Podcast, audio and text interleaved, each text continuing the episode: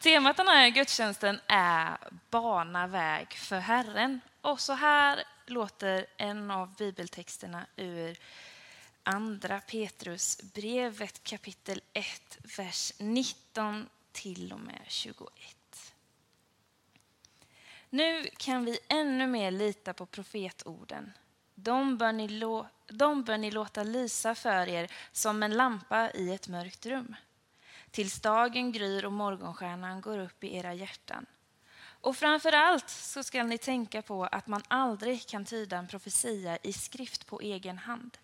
Ingen profetia har förmedlats genom mänsklig vilja utan drivna av helig ande har människor talat ord från Gud.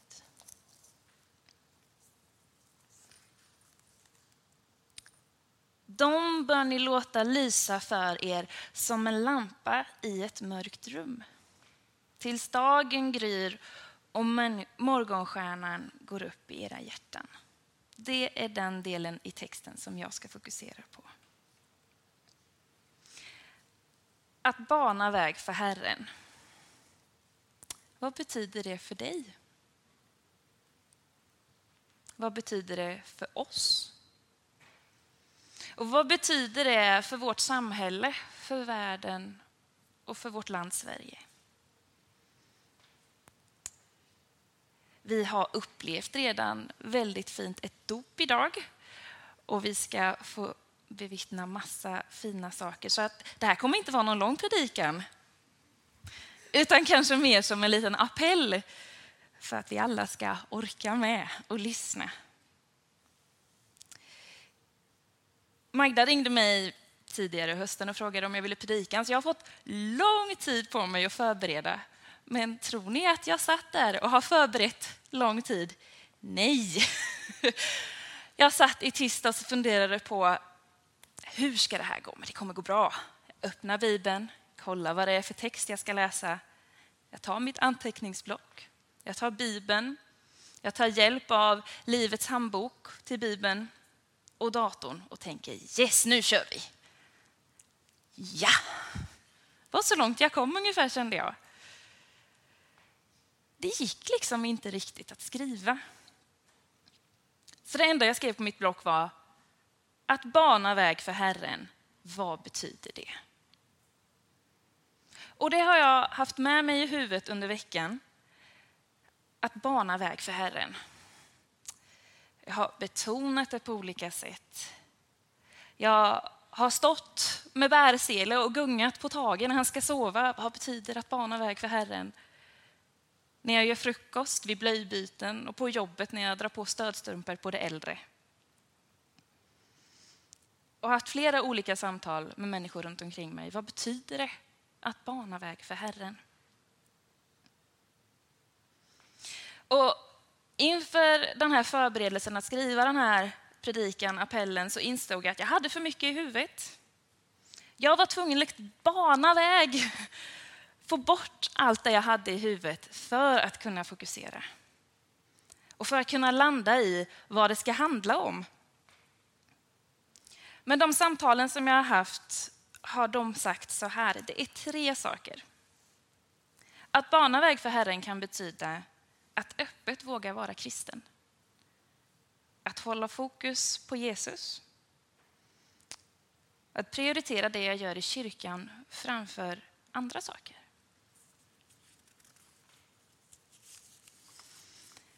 Och alla dessa saker kan låta lätt, men det kanske inte är alltid så.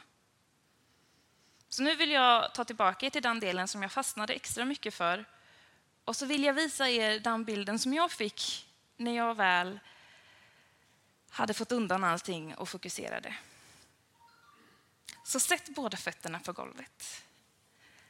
Och låt ryggen vila skönt mot stödet. Du får blunda om du vill, du måste inte.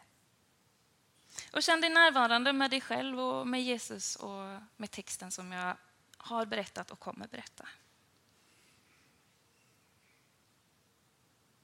I ett kolsvart rum, där är du. Och det är bara du. Eller du tror att det är bara du. Du känner runt lite med fötterna och så inser du att det är en massa saker i vägen. Och du har svårt att ta dig fram. Du viftar lite med händerna och du känner en knapp på väggen. Du inser att det är en lampknapp. Du tänder lyset. Det är ingen stark lampa som lyser, men det är ändå tillräckligt för dig att se att du inte kan ta dig någonstans om du inte börjar flytta på saker. Du börjar skapa en gång så du kan ta dig fram, så du kan ta dig ut genom gången. Du banar väg för dig själv. Och du låter lampan vara tänd för nästa gång du behöver bana väg, men också för den vägen du har banat för andra. De bör ni lysa för er som en lampa i ett mörkt rum. Och kanske för att kunna göra de här sakerna som jag berättade om innan, att, att våga vara kristen, att hålla fokus på Jesus, att prioritera det jag gör i kyrkan framför andra saker.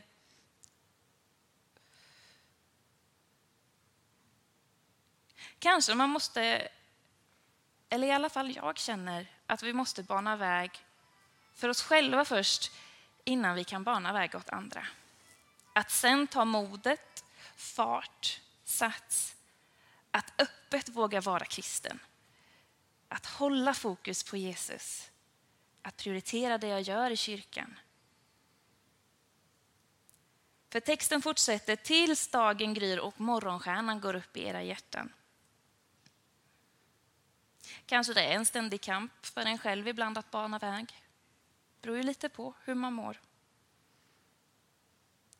Och att du hjälper andra att bana väg. Men att du sen också får ta och bana väg för Herren. För han är ju här hela tiden och väntar på att vi ska komma fram. Det är en del av vårt liv, det är en del av vår tro. Det är en del att vara kristen. För Herren finns alltid där och väntar in dig och går bredvid dig så att vi kan bana vägen. Vi ber.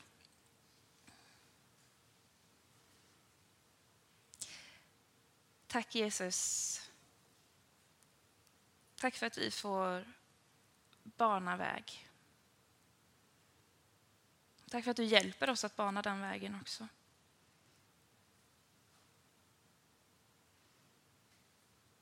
Och, och hjälp oss med dessa tre ting. Att, att våga vara öppet kristen, att prioritera dig och prioritera det vi gör i kyrkan.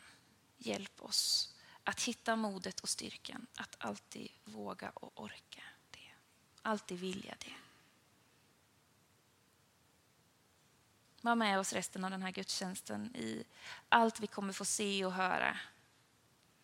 Allt som kommer hända. För det är du som har gjort att vi kan göra så.